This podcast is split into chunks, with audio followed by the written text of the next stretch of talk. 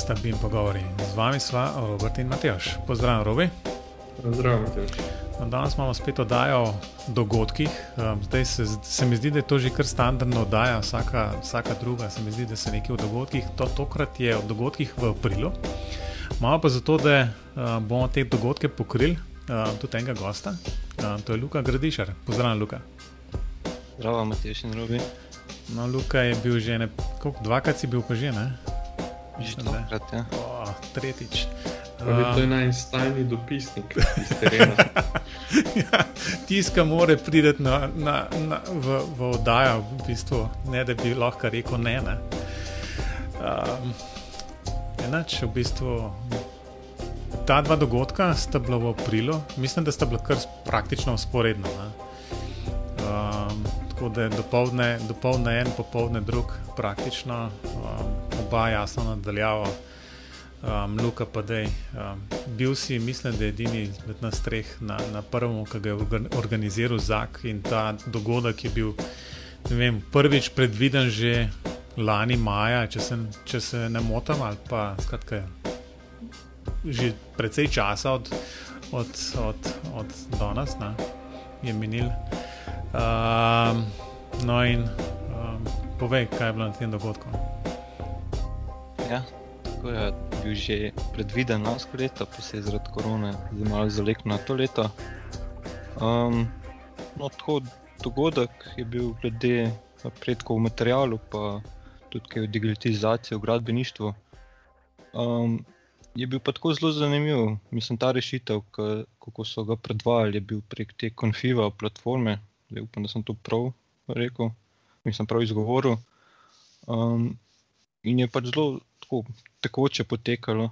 Um, naprimer, jaz, ko sem predstavljal, predstavljal, sem to predstavljal preko Zuma in se je potem vse to preko konfive predvajalo vsem, ki to gledajo. Um, Meste pa tudi, ne, če se prav spomnim, v bistvu ne tako vajo, ne? en teden prej ali kako, da ste vse te tehnološke zadrege, te tehnološke probleme lahko zgledili. Ne? Ja, tako, to smo se samo na hitro priključili, pa kamerico preverili, pa screenshot. No, v bistvu tega, te platforme za tole še reče nisem slišal. No? Tako da vsakič je nekaj, nekaj drugega, očitno so te platforme zrasle zdaj v, v telem dobrem letu. Tako da, ampak povej, povej stališča vsebine, v bistvu kaj, kot rečeno, omenil si materijale, digitalizacijo. Če lahko mogoče glih sam tok na splošno nekako poveš, ali pa neke poudarke, ki so se ti najbolj vtisnili v spomin. Ja, no. poleg, poleg tvoje predstavitve, jasno. um, začel se je nekako z mini koncertom. V živo ali kaj? Ja, v živo. Čeprav ta se mi je zdel nekako odveč. Um, v tem je bilo seveda par teh spikerjev, torej na splošni, ki so bili za vse. Uh, potem se je pa konferenca razdelila na tri na tri tele, nekako virtualne dvorane. In vsaka ta dvorana je imela svojo temo. Jaz sem zdaj predvsem sodeloval na, na te temi, ki me je bolj zanimala, torej bolj inovacije, pa, digi, pa digitalizacija v gradbeništvu. Tako da bolj moja tema je spadala pod drugi dan, pod prvi dan je bilo pa mogoče malo več govora o materialih. Ja, ja. Veliko govora je bilo potem nekako v 3D printanju, pa o nekih novih materialih, se tudi takih, ki se sami celijo, potem ja, samo celilni betoni, pa mogoče močnejši betoni. To je bil nekako prvi dan, torej tukaj sem mogoče malo uh, slabše sodeloval, drugi dan, ko je pa nekako moja tema, um, bila pa digitalizacija v gradbeništvu. Um, so bile pa tudi kar zanimive teme. Uh, torej začela je nekako Ksenija Marc, malo povedala, kako, kakšni so projekti v Sloveniji, potem je bilo moje predavanje, in to se je pa tudi nadaljevalo nekako um, z monitoringom. Um, potem je bilo zelo zanimivo predavanje, uh, kako lahko preko naprimer, nevronskih mrež zaznavajo napake, uh, meni se v cementu. Um, tisto je bilo kar zanimivo predavanje. Uh, potem je bilo tudi predavanje glede 3D printanja beto z betoni, tukaj je bilo kar par teh predavanj. In tukaj je bilo kar pohvalno, glede teh, teh tehnične usposobljenosti uh, in potem tudi moderatorjev, da so usmerjali ta predavanja, ker se nekako, ja, so sledila ti časovni razporeditvi. Tudi, tako da tukaj ni bilo nik nikakršnih zapletov, glede na to, da je bila online konferenca. Ja, vse to je bilo sigurno moje vprašanje, ne, kako so se kaj držali časovno, ker potem tisti drugi dogodek, ki ga bomo predstavili, je bilo to bolj slabo. No. Um, ampak, ko si ravno omenil 3D printanje, je kaj novega na področju 3D printanja, ali se zdaj še vedno ukvarjajo bolj kot ne z materiali za 3D printanje v naravni velikosti? No, sicer jaz sem že meni se zdi to tudi slišal že par let nazaj, uh, tako da se mi ni zdelo to novosti, a, mogoče ja, po, po, lahko da so se ponavljali manjši napredki, torej večje zmogljivosti pumpanja betona, mogoče za malo večje, ja, za malo večje merila in tako naprej. Kaj pa, se kaj dogaja na področju 3D printanja, pa armatura? Ker zdaj vse tisto, kar sem jaz videl, je bilo tako, da so dejansko tiskali opaže, pa so potem ustavili armaturo, pa zalili z normalnim betonom, normalnim v narkovajih. Uh, drugo je pa pač vse te ojačitve z raznimi vlakni in kompozitnimi materiali, in tako naprej. Ali se to kaj umenjalo, ali je pač to še vedno tako, kot je bilo. Pač so omejitve ravno na področjih, ki zahtevajo zelo veliko armature. Ja, to, točno to je bilo tudi eno vprašanje, se mi zdi na, predst na teh predstavitvah. Uh, pa imajo še zmeraj nekakšne probleme. Torej, ali se jih potem nekako na koncu doda za samo printanje, pa problem potem s to pretočnostjo, če bi kakršna koli večita dodali. Tako, tako da meni se zdi, ni bilo toliko napredka glede tega, pa so nekako pustili to reševanje v prihodnosti. Se pravi, z drugimi besedami, nekaj novega, oziroma ni, ni še tiste prebojne tehnologije, ki bi dejansko 3D tisk približala komercialni rabi. Tako se vsaj meni zdi. No. Počasni napredki, naprimer za našo potresno območje, je to zelo neprimerno še za kakšne enodružinske hiše, za kakšne manjše objekte, kot to promovirajo, pa že zanimivo. Zato je bilo mogoče um, tudi moje vprašanje, v bistvu je to kakorkoli povezano z zakonodajo oziroma pač um, nekimi pravilniki. Ali je to samo pač zaradi tega, ker recimo, ne, veš, ne moreš doseči take armiranosti ali kaj podobnega? Je, ne vem, ampak jaz sem ravno pred kratkim tudi bral članek, da so mislim, da nekje na nizozemskem zdaj prve te 3D tiskane hiše dal dejansko v uporabo. Ne? Ampak te 3D tiskane hiše zgleda kot neki igluji. Jaz ne vem, kako bi to sploh uporabljal, pa itak so samo enoetažne, pa ne čisto točno pravilnih oblik, pa zelo tako majhne, ne vem, mislim, da bo 60 kvadratov ali ne vem kaj. Ne. Tako da nisem jih ravno zahvaliti s temi rešitvami, še trenutno bi tako rekel. Uh, kot drugo, pa se mi zdi, da bo morala tudi zakonodaja temu slediti, če bo to dejansko enkrat prišlo v uporabo, ker te hiše, tiskane hiše, jaz mislim, da se to ne bo smelo imeti kot nek kompozitni sklop materijalov, ampak to je pač končni izdelek, to hišo dejansko ti lahko nekam postaviš. Ne? In tudi zdaj, če, če malo poznate zakonodajo, so dejansko ločene, ločeni objekti na te uh, gotove, prefabricirane, ne? ali pa pač te in situ, pač, ki jih ti na gradbišču zgradiš. In recimo, če ti pripelješ garažo in je to pač nek komercialen produkt, ki ga lahko kupiš v eni od teh trgovskih verig, ne, sploh ne rabiš toliko dokumentacije, kot za tisto, ki greš dejansko graditi. Je pa to kot nek začasni objekt, ne nekaj izjeme so v, v uh, zakonodaji. Tako da jaz mislim, da ne vem, tudi ko bo enkrat se pojavil nek komercialni ponudnik, ki bo to na področju Slovenije ponujal, ne vem, če je zakonodaja že pripravljena za to. No? Ker, kar se mene tiče, je to isto kot ladijski kontejner, ki ga dajo na kmetijsko zemljišče, pa se delajo, da imajo vikend kako je kaj s projekti, BIM projekti. Uh, in v Sloveniji, in vidim tudi na programu, v bistvu en, en, eno predavanje um, BIM Applications in Civil Engineering Projects, um, ki se pa je bil pa predavanje iz Srbije. Um, Luka, lahko kakšno, uh, kakšen povzetek tega narediš? Ja, se, če se še malo dotaknem 3D printerja, je bilo tudi tukaj tudi, uh, veliko pogovorov, oziroma tudi v prejšnjih letih, glede 3D tiskanja, potem na Luni, pa na Marsu. Da je bilo tukaj neka taka zanimivost.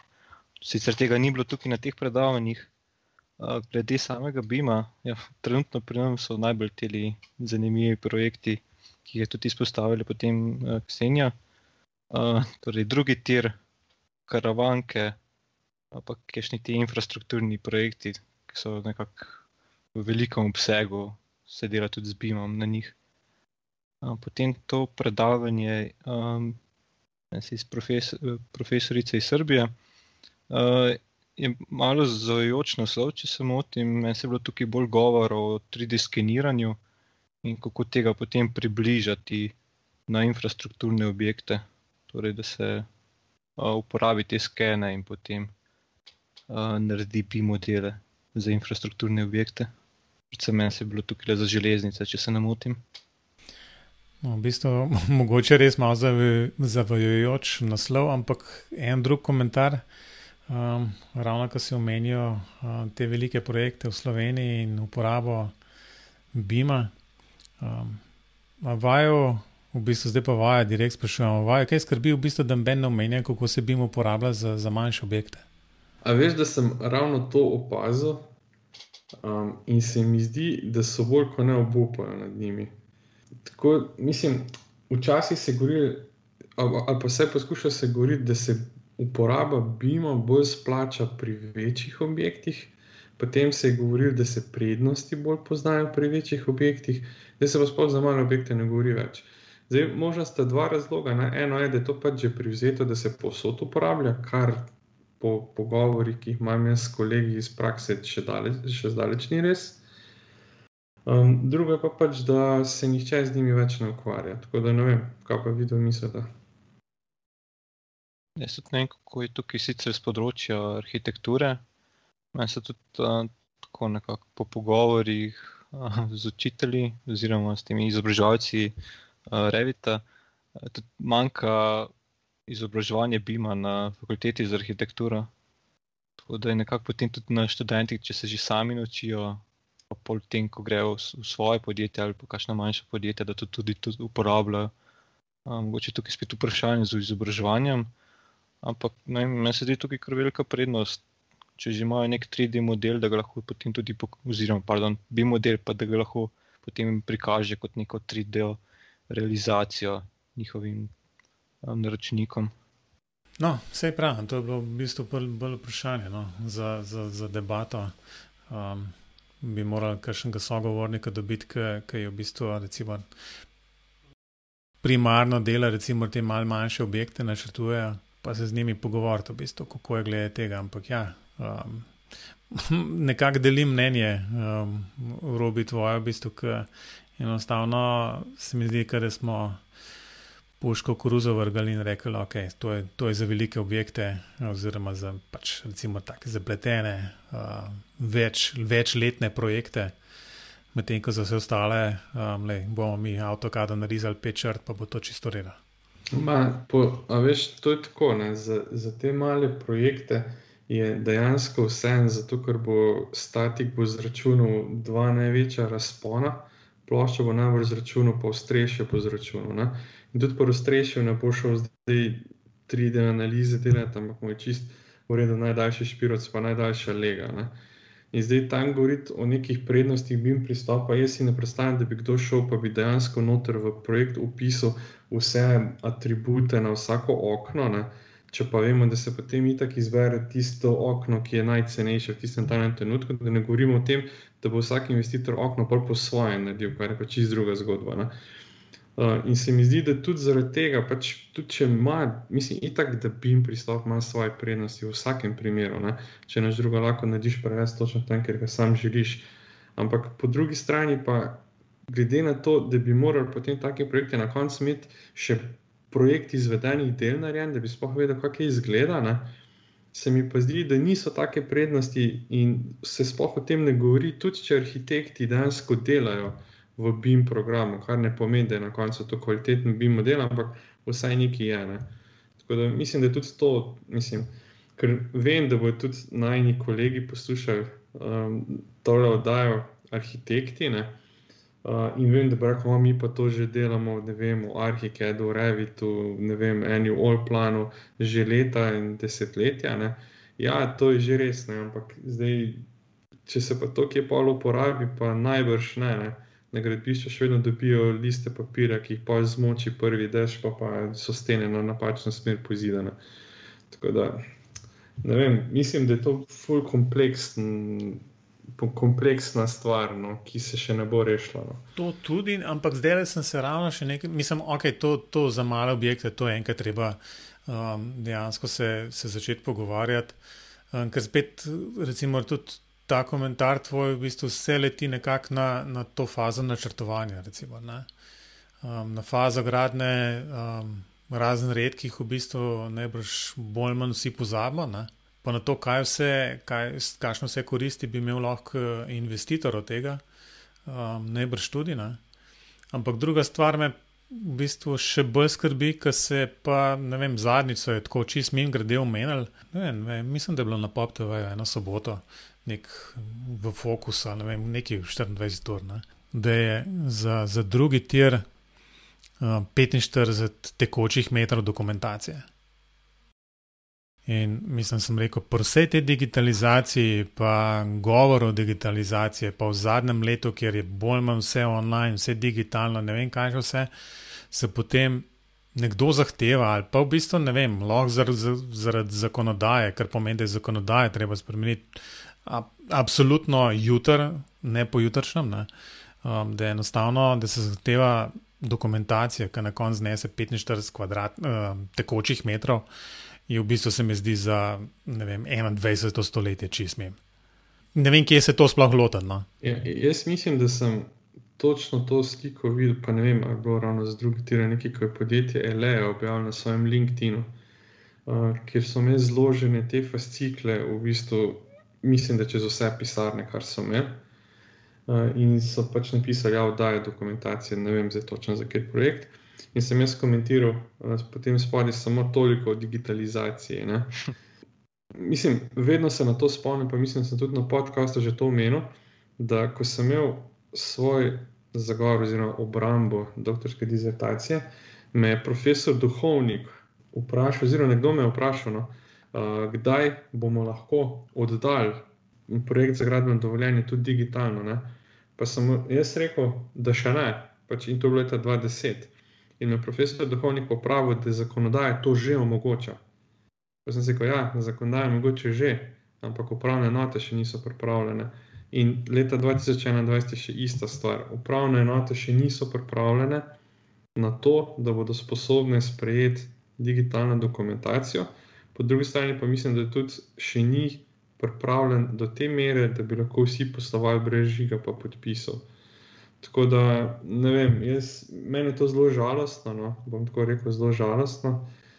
Po drugi strani pa tudi ne vem, kaj imajo potem na upravnih enotah od te dokumentacije, razen da jo po desetih letih dajo v uničenje. Uh, kar je pa druga stvar, zadnjič sem slučajno zvedel, da so na eni upravni enoti pozvali občane, da če želijo, lahko pridejo prevzeti njihovo oddano dokumentacijo, ker drugače bojo zaradi prostorske stiske dal v uničenje.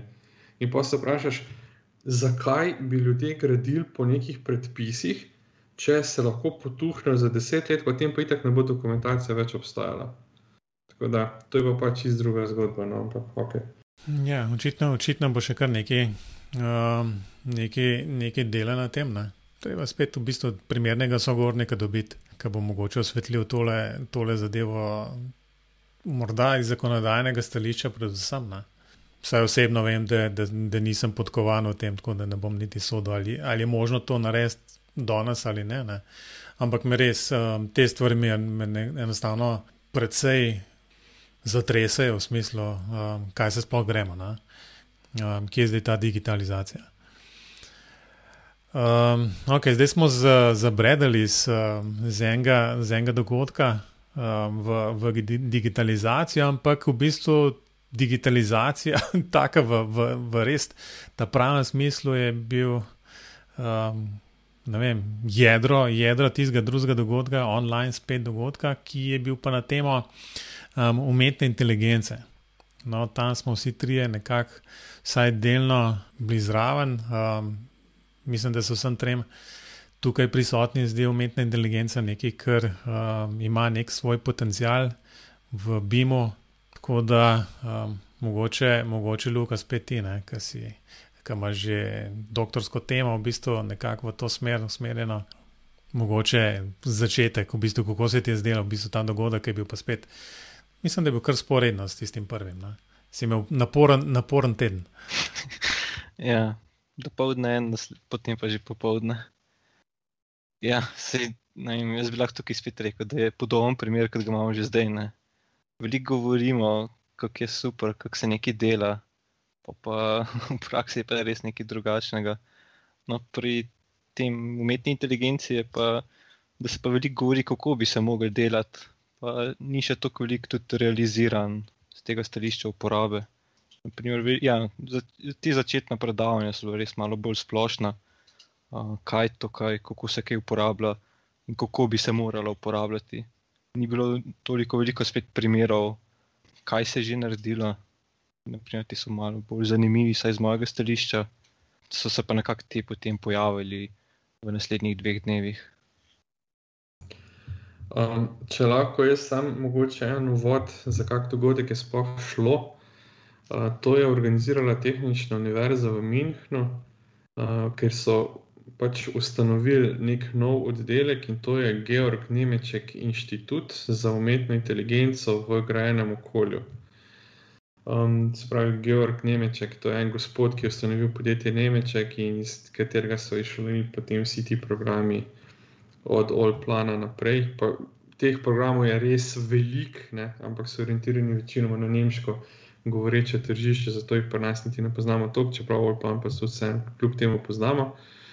Um, in na tem dogodku bi sam dodal, no, um, Lukas se ne bo spomnil, ampak to, na, dogodku, na ta dogodek so bili vabljeni predavatelji oziroma govorci, ki sem jih jaz srečeval vse čas svojega doktorskega izobraževanja, uh, v katere v njihova dela me je skozi usmeril uh, profesor Žiga Turk.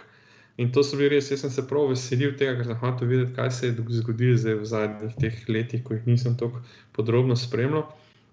In kar je mene potem mal, um, v bistvu bom rekel, razžalostil, je to, da vseeno še niso odkrili, kako bi bilo to najbolj uporabno v grajenem okolju, in tudi zaradi tega, verjetno, ta inštitut in vsi povezani, uh, povezani dogodki. Um, bi pa rekel tako, ne, tist, jaz sem to spremljal tako zelo sporadično, takrat, ko sem imel čas na tiste predavanja, ki sem jih lahko videl, brez da bi imel jaz uh, svoje predavanje ali kakšne obveznosti. No. In največja težava uporabe umetne inteligence v gradbeništvu oziroma v grajenem okolju je to, da nimamo podatkov. A je tako, Luka? Ja, tako je. Pač ni podatkov. Um, mislim, skozi govorimo, da je gradbeništvo informacijsko zahtevna panoga, pa koliko informacij se prenaša in vse. Ampak problem je, da ti, te informacije niso formalizirane, niso v, v bistvu nimajo, niso v taki obliki, da bi jih lahko uporabil direktno za umetno inteligenco. To je prva stvar. Druga stvar je pa ta, da je vsak projekt je unikaten in ne ponovljiv. In potem, če pa ti treniraš to umetno inteligenco oziroma te nevropske mreže, rabiš pa zelo veliko primerov, ki so obdelani in imajo neke rezultate, da pač naučiš to umetno inteligenco, kaj ti od nje hočeš, ne? potem je pa en rezultat vrne. No, in nam ta del manjka. Ne? In čeprav imamo podatkov res ogromno, mislim, da. In tako naši kolegi razlagajo, koliko terabajtov in gigabajtov in petabajtov podatkov zgenerirajo. Ne? Ti podatki niso v taki obliki, da bi jih lahko uporabil tudi to je bilo tisto, kar sem jaz takoj pač na prvih predavanjih videl, ne, da tega še niso rešili. Pa pa seveda je pa druga stvar, kako to poskušajo. No, in to pa lahko Luka več pove, ko je gledal predavanje. A se ti je kjer predavanje še posebej pač vtisnil v spomin? Ja, nekako dva predavanja. En, ki se je res nekako dotaknil te teme uh, z umetno inteligenco v BIM-u. Um, to je bil meni se drugi dan, prvo predavanje. Tukaj je bilo že malo več govora o tem problemu, ko si ga ravno omenil. Uh, drugo predavanje se pa nekako dotakne te teme, ker imamo tudi uh, trenutno en raziskovalni projekt DataBridge, na katerem tudi mi z Matežem sodelujemo, uh, ki pa jih to povezovanje zdaj podatkov iz senzorjev um, z objektom, torej ti digitalni dvojčki in potem uporaba teh podatkov iz senzorjev, da se nekaj predvideva torej v stanju tega objekta. Jaz sem malo pogledal po programu, a to ti misliš na to predavanje Markusa Keniga? Ne, to je bilo eh, ta zadnje, ki sem ga omenil, je bil Jerome Lynch, torej zadnje predavanje te konference. Prvega, ki sem omenil, je bil pa iz, od Rafaela Seks. Aha, Rafael Seks. No, recimo, jaz sem, predvsem ta prvi dan, sem, mislim, da poslušal čist celega. No, in to so bili taki res eminentni profesori, ki jih z Matejem poznamo, po mojem, že čisto začetka. No. Ian Smith, Martin Fisher, to tudi Luka ga pozna iz Stanforda. Uh, Burco, Kinci, tudi z njo sem imel uh, priložnost uh, govoriti pa tako naprej, potem še pa Nora L. Gohari. Um, ampak jaz tu res nisem, um, mislim, nisem dobil občutka, da so rešili problemi. To, to so se v bistvu samo potencijali, potencijali umetne inteligence uh, predstavljali. Ne? Ampak ti potencijali, mislim, večinoma smo že poznali, no, bom tako rekel. Nisem pa videl nekih rešitev. Ne? kaj bi se dal. No, meni je bilo zanimivo, recimo, Bursa Kinci je razlagala to uh, uporaba uh, umetne inteligence potem v facility management, kaj je to upravljanje stavb. Ne. Tam je bilo zelo zanimivo tudi iz stališča, ker sem takrat, ko so s profesorjem Turkom bila na kitajskem, so tam nekaj zelo podobnega predstavljali, pa niso uporabljali umetne inteligence, ampak gole podatke. Ne. Oni so v bistvu iz golih podatkov sklepali na to, kdaj bo katera stvar se pokvarila, in tako naprej, ni bilo zadnji nobeni, nobene umetne inteligence, pa so bili rezultati, bom rekel, zelo podobni. No? Tako da, kar še enkrat več pomeni, da pač brez dobrih podatkov umetna inteligence neč ne pomaga. Ne? Zdaj, drugo predavanje, ki sem pa posebej ga šel poslušati. Pa še tako čas je bilo, da sem ga dejansko lahko spremljal, bilo pa od Tima Hartmana, ki je pa razlagal pač cel postopek, kako se on sreča z umetno inteligenco, pa na katerih projektih vse so jo uporabljali. In kar mi je bilo zanimivo, je to, da so vložili ogromno, ogromno enega dela. V, če se bo spomnil, Luka je razlagal o, proj o projektih za železnice in potem, kako so v bistvu, a, a za ceste, mogoče za ceste, kako so na podlagi teh podatkov potem poskuša napovedovati, kdaj bo potrebno obnoviti. Če se ne motim, eh, kar sem si najbolj zapomnil, pa to, da ko so predstavili rezultate, so jim naročniki rekli, da tega ne morejo uporabiti, zato ker je zanesljivost preslaba. Da oni ne morejo tega sistema z gotovostjo, mislim, ne morejo biti sigurni v rezultate tega, kar je sistem vrnil. No, in to je ravno zaradi tega, ker nihče točno ne ve, kako ta umetna inteligenca sploh deluje. Ne? V bistvu ti sicer imaš možnosti, pa malo prilagodiš iz, iz, izhod, output, mi gre skozi poglavje, ampak v resnici pa ne veš točno, kaj se noter dogaja, pa zakaj je kaj napovedano. Ne? Zdaj pa pri gradbeništvu, če pa zdaj spet gremo nazaj, pa povemo, da imamo težave s podatki, pa da teh podatkov ni dovolj, ali pa vsaj ne takšni, kot bi mi želeli. Ne? in potem se to samo potencira. No, in ti projekti potem padajo v vodo, niso, niso ga več upoštevali, mislim, niso ga uporabljali, zato ker so ugotovili, da je podcenjeval neke, neke okoliščine, nekaj takega. Ne. Se pravi, potencial je, ne, ampak kako bi pa ga dejansko izkoristili, pa še ne vemo. No, ampak uh, mogoče tole, kar si zdaj omenil, že sem pri teh stvareh imam zelo pogosto občutek, ne, da takšne, takšne rešitve ne gre skozi v bistvu neznanja ali pa um, nerazumevanja naročnikov, kaj takšen sistem sploh omogoča. Je res, da je v bistvu se lahko zdaj debatira o tem, ali so neke črne škatle, v katero se zapakirajo v bistvu neki, neki algoritmi, um, pa na koncu v bistvu na eni strani gre neki input v smislu ne vem, nekih BIM podatkov, BIM modelov, predvidevanj, senzorjev, ne vem kaj še vse, na drugi strani pride pa neki rezultati ven. Aj to za inženirje v redu, če ne zna na koncu koncu pojasniti, zakaj se je ta črna škatla odločila na ta način v bistvu pač to je lahko tako zelo filozofsko vprašanje. Po drugi strani pa v bistvu je najbrž se treba vprašati, v bistvu, ali ni to vse boljš kot ne imeti nič. V bistvu, kjer nimaš nič možnosti napovedovanja, če malo pač posplošam. Ne? ne vem, kaj ti ne rečem. Jaz se tukaj s to črno škatlo so res problemi, ne? ampak kot sem jaz zdaj za sabo dal par teh predavanj, tudi vedno poudarjajo, da je tukaj pomemben ta strokovnjak, ki se, ki se spozna na ta podatke, torej, da sodeluje skupaj s tem, ki upravlja ta, te modele, in da si probojajo nekako razlagati, ali so pravilni ali ne.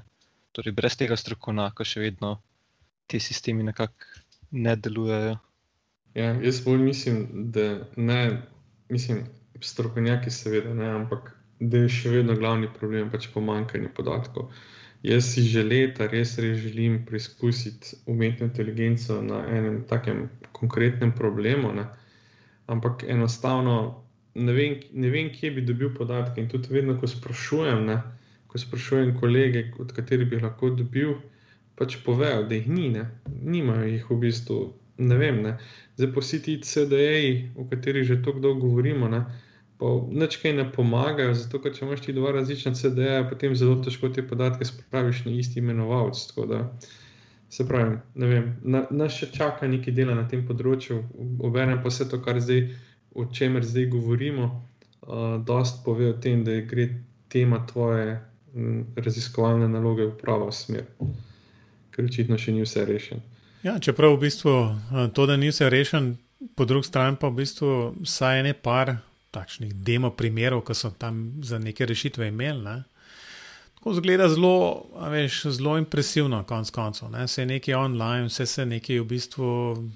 Neke površine, nekih tlorisov se prilagajajo, in skratka, vse takšne, bomo rekli, te osnovni uporabniški primeri imajo neke demo rešitve že narejene. Ne? Um, zdaj, kaj je od zadja? Je to od zadja neka umetna inteligenca ali, ali stoji v stavkov, je zdaj vprašanje. Ne? Vsaj tisto, kar so kazali, določene, določene stvari so, so izgledale kar tako lepo. No? Je pa res, ne, da, da za kakšne kompleksnejše uporabniške scenarije v smislu napovedovanja, vem, učinkovitosti ali pa vem, procesov, BIM procesov. Ne? Pa najbrž, mislim, načeloma se tako tako strinjam ne, s temi, pač težava so podatki, težava je v, vem, v kvaliteti in zanesljivosti teh podatkov. Tako da je absolutno, absolutno že, na osnov, že sam na podatkih treba precej dobro definirati, kaj vse je treba zajeti, zato da bo to potencialno lahko uporabno enkrat za, za neke takšne sisteme umetne inteligence. Točno to so ti problemi umetne inteligence, kot tukaj veliko ljudi kar zamenja, ne, da nekaj podaš notri, pa nekaj ven dobiš. V resnici pa tisti srednji del ni tak problem. Ne. Ta umetna inteligenca, problem je vedno, kako urediti te podatke, um, pa kašanje sklop podatkov in potem kakšne rezultate sploh dobimo ven. Sem, običajno no, bomo rekli tako, da se znanstveniki predvsem ukvarjajo z, z to črno škatlo. Recimo, če po, posplošen to zadevo, se pravi, ukvarjajo se z algoritmi, z načini, s procesi in ne vem kaj še vse. Zelo redko se, se ukvarjajo s podatki.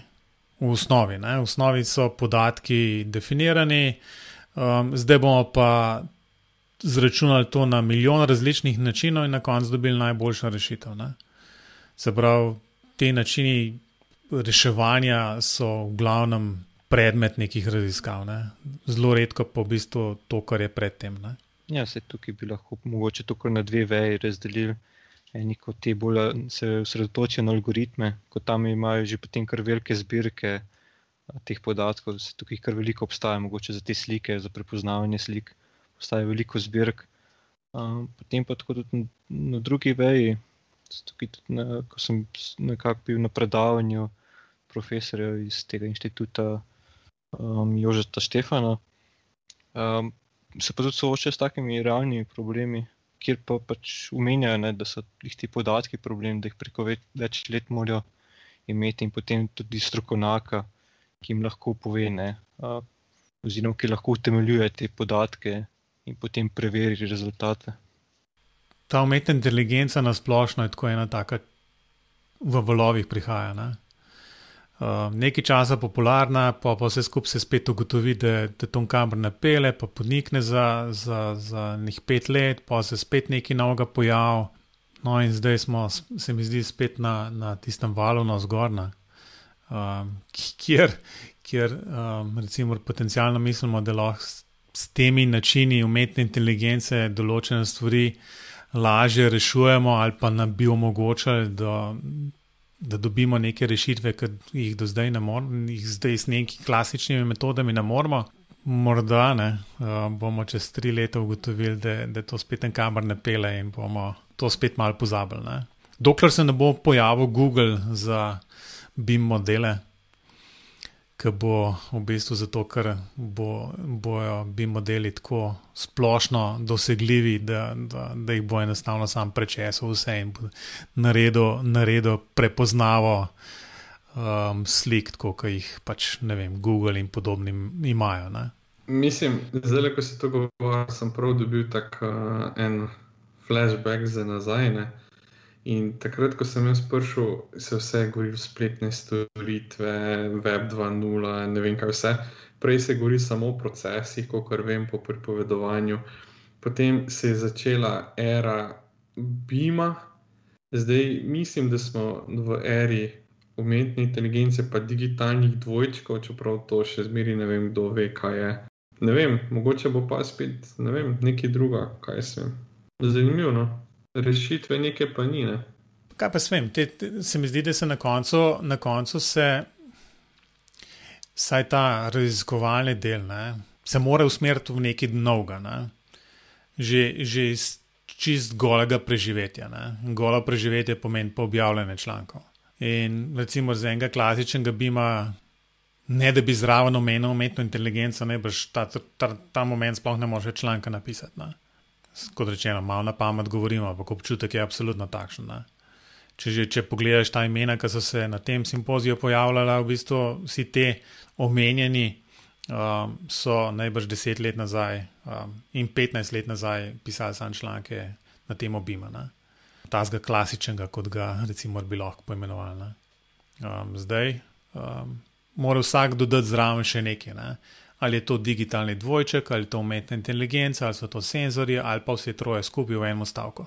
Medtem ko, kot rečeno, um, industrija ne, um, je pa vprašanje, kaj od tega um, ta moment si sploh želi. Ne? Kaj lahko rečemo v bistvu, da kaj, da so se vsi prireditelji teh online dogodkov v bistvu zdaj v zadnjem letu nekaj naučili, ne? poslušalci tudi, ne? Oziroma udeleženci teh online dogodkov tudi. Tako da jaz samo upam, da bomo s tem nadaljevali. Ne? Čeprav bi bilo jasno, zelo fino tudi kam že mal potovati. Tudi, ja. Podpišem. Ampak je, a ni, a ni prijetno, da si bil lahko na dveh konferencah hkrati. Kdaj v življenju se ti to lahko zgodi? Ne, da, se bi moral odločiti, ali hočeš iti na Bled ali hočeš iti v München. Ne? Na Bled pa v München, kam bi šel raje.